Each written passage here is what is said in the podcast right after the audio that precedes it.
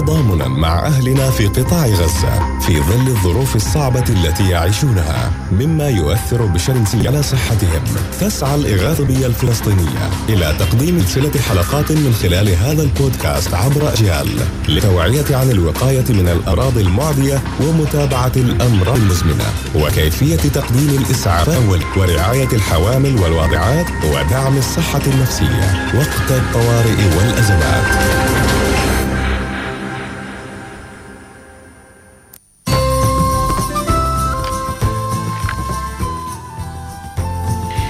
تحياتنا لكم مستمعينا الكرام أينما كنتم نتحدث في هذا اللقاء عن الخطوات المهنية لإسعاف كسور العظم.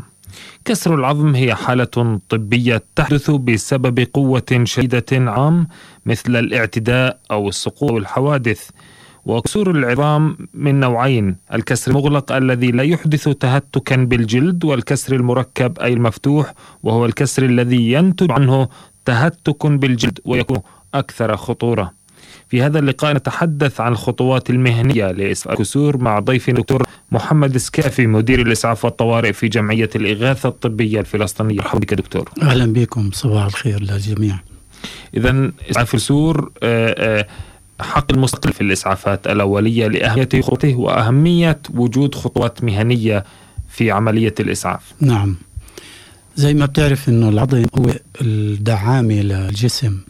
يعني لما بنوقف بنمشي نحرك إيدينا اجرينا كله هذا بمساعدة العظم والعضلات طبعا. إذا صار كسر في العظم فبير ضرر في العضو اللي صار فيه لهذا العظم. يعني اليد أو القدم أو الساق أو الفيد كسر العظم مش سهل عفوا لأنه بيعني إنه العظمة إما انشعرت أو انكسرت. أو إنه الكسر ضل مخفي وبالتالي كسر مغلق أو كسر ظهر من خلال الجلد يعني العظمة انكسرت كليا وانفصلت عن بعضها وطلع خارج الجلد. دي حالة طبعا صعبة جدا. الآن بالنسبة للقوة العظم هذه ملاحظة مهمة جدا. قوة العظم بتنتج عن كثافة الكلس في العظم. وبالتالي لو أخذنا الأطفال عظمهم لسه هش لو أخذنا كبار السن اللي من الستين سنة وفوق عظمهم أيضا لأنه الكلس بيبدأ يفضى من العظم وخاصة بالنسبة للهرمونات اللي بياخدوا أدوية باستمرار بتأثر على خروج الكلس من العظم. فهدول الحالات حالات يعني صعبة المزبوط لما بصير فيها كسور سن فالكسر بالدمام بده إسعاف آه، منيح. ما نسوي مضاعفات في منطقة الكسر أو نسوي تهتك داخلي للنسيج أو للأوردة أو للشرايين أو حتى للعصب. خاصة إذا الكسر مفتوح هذا هو كسر خطير جدا يعتبر لأنه خطير جدا لأنه في نزيف يعني كسر يصاحب نزيف أم خطير لأسباب أخرى. الكسر كل كسر يصاحب نزيف لأنه الدم ينتج في داخل العظم. دم الإنسان ينتج عادة في داخل العظم. كمان العظم لما بنكسر وبنفصل عن بعضه سواء بضل العظم داخل العضو أو خرج من خلال الجلد يحدث نزيف دائما. على سبيل المثال كسر في عظمة الفخذ ومع انفصال للعظم ممكن تنزف من لترين لثلاثة لتر في داخل الفخذ. وهذا يزيد الخطورة. وهذا يزيد الخطورة لأنه بتتذكروا في اللقاءات السابقة قلنا عندنا بس خمسة لتر دم. فلما فخذ عظمة فخذ مكسورة بتنزف من 2 ل 3 لتر كل ما تأخرنا بالإسعاف أو كل ما تأخرنا في نقل المصاب معناته المصاب عمال بيفقد دم في داخل الفخذ. وبالتالي كسر العظم مش بس خطورة على المشي في المستقبل أو استخدام العضو المكسور في المستقبل وإنما أيضا نزيف. طيب. إيه، قبل أن نتحدث عن كيفية آه، تصرف المسعف إيه، كيف يمكن اكتشاف أن هذا المصاب لديه كسر عظم أو ليس لديه كسر عظم؟ سؤال كتير مهم. إذا كانت الضربة المسببة لا الإصابة قوية زي ما تفضلت في البداية يعني على سبيل المثال ضربة بقضيب حديد أو بدبسة أو بحادث سير أو بقصف حتى. لازم تتوقع بأنه في كسر ما لم يحدث العكس أو ما لم يثبت العكس بصور الأشعة. المسعف اللي بفكر صح دائما بحط الاحتمال الأسوأ إنه إذا في ضربة قوية بدي أتوقع وجود كسر هذه اولا. ثانيا بكون في ألم شديد جدا في مكان الإصابة. ثالثا ممكن يصير تشوه في مكان الإصابة بيعني إنه العظم انفصل عن بعضه وصار في قصر في طول الطرف سواء الساق أو اليد وصار في حينئذ وهي الأمور مرئية يعني مرئية ما نعم. ما بدها تصوير. كمان صعوبة في تحريك العظم وبيبدأ يصير عندنا انتفاخ في مكان الإصابة مع ألم شديد. فهذه العلامات دائما خلينا نحطها في بالنا إنه في كسر ما لم يثبت العكس بصورة الأشعة. طيب آه، كسر العظم الذي يتطلب حذرا شديدا وحالة خاصة في عملية تحريك المصاب. أقصد كسر العمود الفقري. كسر العمود الفقري حالة خاصة جدا وتحدث في آه، حوادث الطرق أكثر شيء أو في الإصابات المباشرة بالرصاص وغيره أو في السقوط من ارتفاعات. العمود الفقري في الأعصاب أو النخاع الشوكي اللي بحرك جميع الأطراف السفلية والأحشاء اللي في البطن. فأي إصابة للفقرات في العمود الفقري إذا كان عندنا بس شعر فقط في الفقرة وإحنا تصرفنا بطريقة خاطئة فممكن هذا الشعر يتحول لكسر ويبدأ الكسر يجرح النهايات أو الأطراف العصبية اللي موجودة حوالينا اللي بتخرج من بين الفقرات. فإذا انمزعت هاي أو تضررت اعتبر إنه الجهة اللي تضرر العصب فيها كل ما تحت العصب أصبح غير متحرك أو الإحساس انفقد فيه. وبالتالي هذا ضرر ممكن إحنا مؤقتا أم دائما ممكن؟ حسب آه، إيش اللي صار بالضبط. إذا جرح بسيط ممكن يعني مع مرور الوقت يتصلح. لكن إذا قطع للنهايه العصبية أو للاعصاب معناته هذا يعني خلل دائم وشلل خلينا نقول شلل دائم. فإحنا لازم نكون حذرين جدا جدا في إصابات العمود الفقري. وممكن هذه الحالة بالتحديد بحاجة إلى طبيب أو مسعف محترف. بحاجة إلى مسعف محترف سيارة إسعاف طبعا أكيد. إصابات العمود الفقري فيش فيها نقاش. مم. سيارة الإسعاف لازم تحضر وتنظر المصاب بالطريقة الصحيحة. لكن إذا كان في زي مثلا ما بيحصل في غزة لازم المصاب إذا نساعده ونحركه نحركه على الأرض بطريقة بسيطة جدا سحب هذا المصاب بدون حني جسمه بدون تحريك الرأس. سحبه ب... وإذا ما في داعي لسحبه وننتظر الإسعاف بكون دائما أحسن. دائما حتى لمجرد الشك بوجود هذا الكسر نظرا لخطورته يعني. مش مش مش انه نتأكد إنه في كسر أو ما فيش. مجرد الشك إنه الانتظار أفضل أو التصرف بطريقة مهنية. صح. دائما الإصابات الصعبة حط احتمال إنه الكسر موجود. ما لم يثبت العكس. م. طيب دكتور الإصابات كسر العظم الشائعة وهنا نتحدث عن الأطراف. نعم. آه شو شو الخطوة الأولى؟ كيف نبلش؟ عادة آه، ممكن إنه آه، يكون عندنا مواد إسعاف وممكن ما يكون مواد إسعاف، لذلك بفضل إنه ناخذ كسر في منطقة آه، الأطراف العليا ونطبق عليه. ف هون طبعا أعرض. يعني بيحتاج الإنسان في كسر الأطراف عادة إلى جبيرة. الآن الجبيرة عبارة عن قطعة خشبية أو قطعة بلاستيكية قوية نوعا ما. الطول تبعها حسب مكان الكسر أو أقصر شوية. مثلا هذه الجبيرة بتنفع لكسر اليد أو كسر الرسغ هذه الجبيرة بتنفع لكسر الأطراف اللي أعلى شوية تمام؟ بس دكتور أنت يعني هون بتفترض إنه وجود الجبيرة. إحنا بنحكي عن ظروف أهلنا في غزة في هذا الوقت إنه الناس ما عندها أدوات إسعاف أولية وهذا موجود وكل يوم تمام. وكل لحظة. تمام. معناته إذا ما في جبيرة مش مشكلة.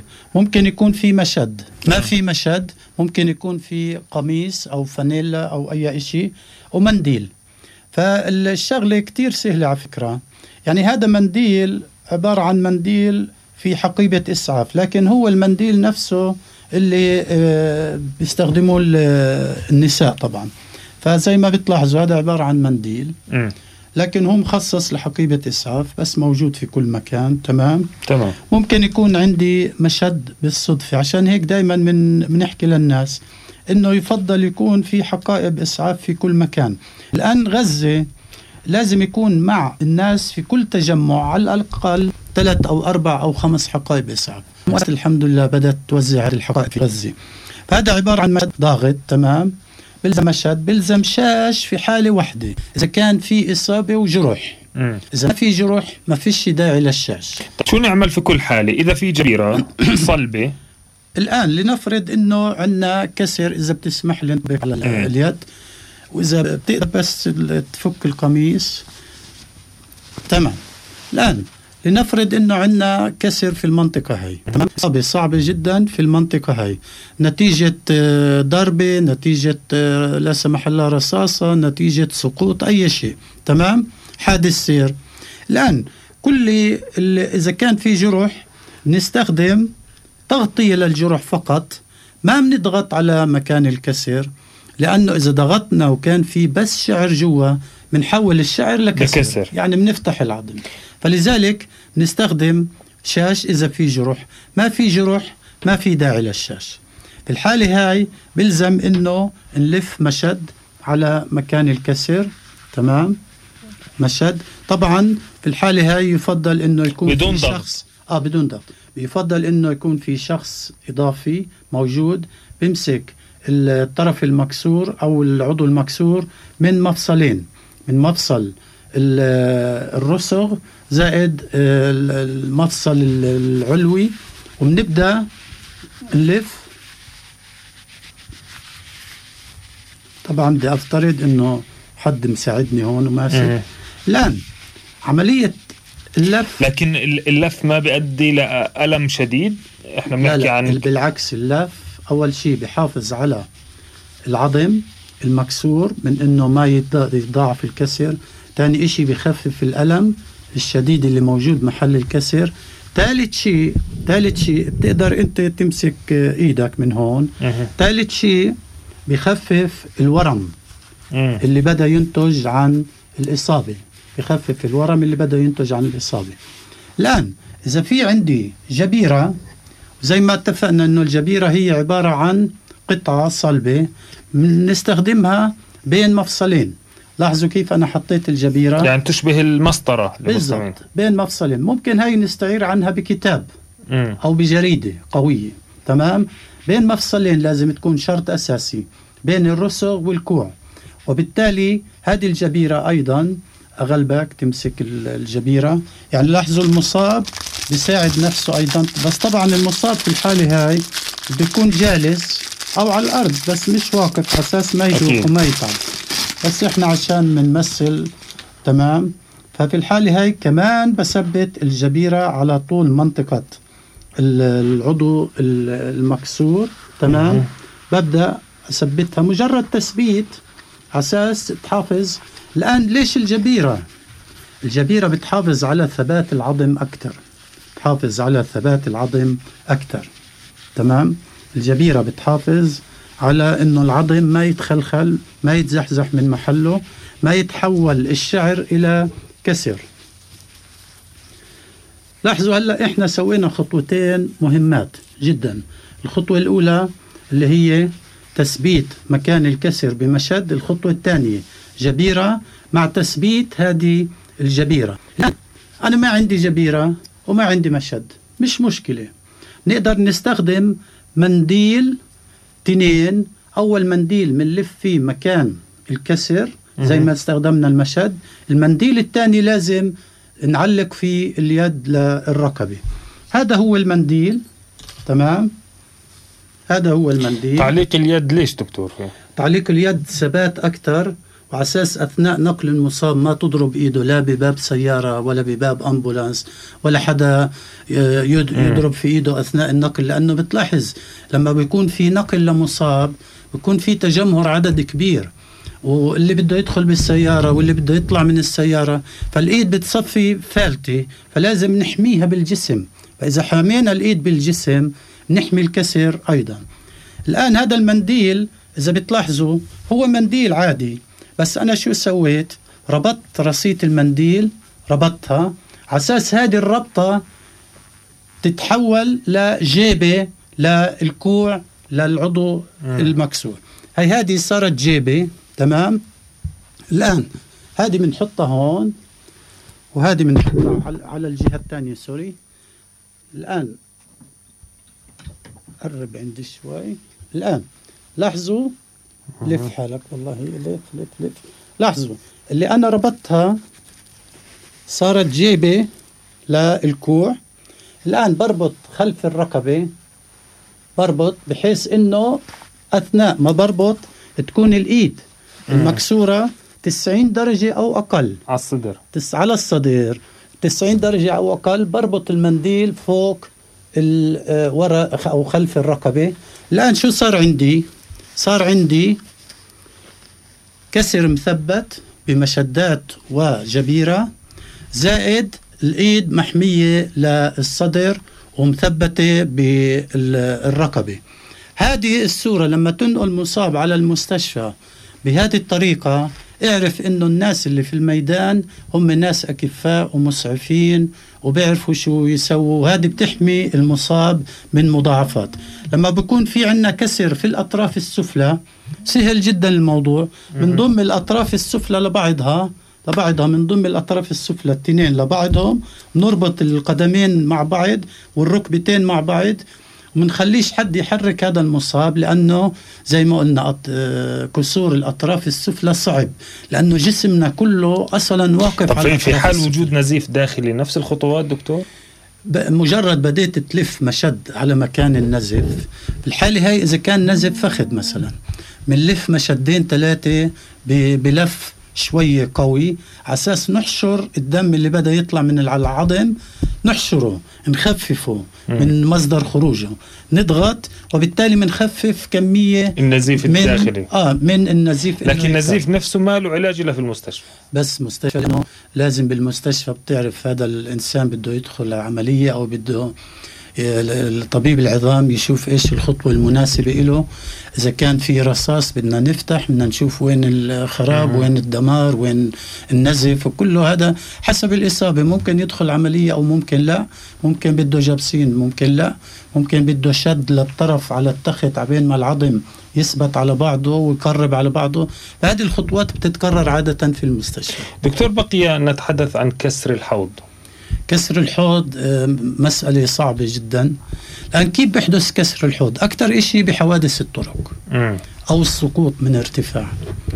يعني واحد بسقط جي قاعد على الحوض. توقع 90% إنه في كسر في الحوض. أو حادث سير طنبون السيارة آه، وخاصة التركات أو السيارات الكبيرة ضربت بقوة في منطقة الحوض. الشخص اللي ماشي على الطريق. أو رصاصة. اجت في منطقة الحوض. وبالتالي إصابات الحوض قوي جدا على فكرة. عظم الحوض قوي جدا جدا. يعني مش بالسهل إنه ينكسر إلا إذا كانت الضربة قوية جدا جدا, جدا مثل الرصاص مثل حوادث الطرق. في الحاله هاي لازم أخلي المصاب على ظهره على الأرض. ما أسمح لأي إنسان إنه يحركه إلا لما تيجي سيارة الإسعاف.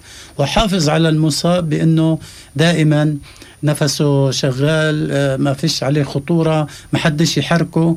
ونسرع في حضور سيارة الإسعاف. بس ما بفضل نقله بسيارة عادية لأنه ممكن عظم الحوض ويصير عنده مضاعفات كبيرة في المستقبل. فكسر الحوض كسر الفخذ معلش نستنى سيارة الإسعاف. شكرا لك يا دكتور محمد سكافي مدير الإسعاف والطوارئ في جمعية شكرا لكم مستمعينا متابعينا. نأمل أن نكون قد أفدناكم وإلى اللقاء. شكرا لكم يعطيكم العافية.